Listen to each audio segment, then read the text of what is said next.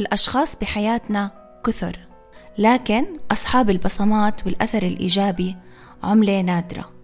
إن شاء الله من خلال خاطرتي أزرع في حياتكم بسمة تفاؤل وأمل وأكون دعم وسند بكلماتي اللي بتمنى تلامس قلب كل واحد فيكم.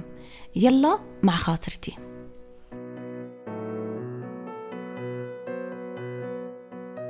أيام كتير صعبة وقاسية. ملايين الصور والفيديوهات المؤلمة. ظلم وإبادة جرائم بحق الإنسانية والطفولة. يا ترى شو غير هالشي بحياتنا؟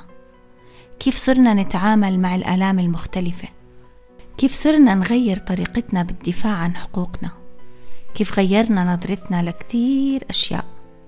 كيف صرنا نستفيد من التجارب المؤلمة على اختلافها؟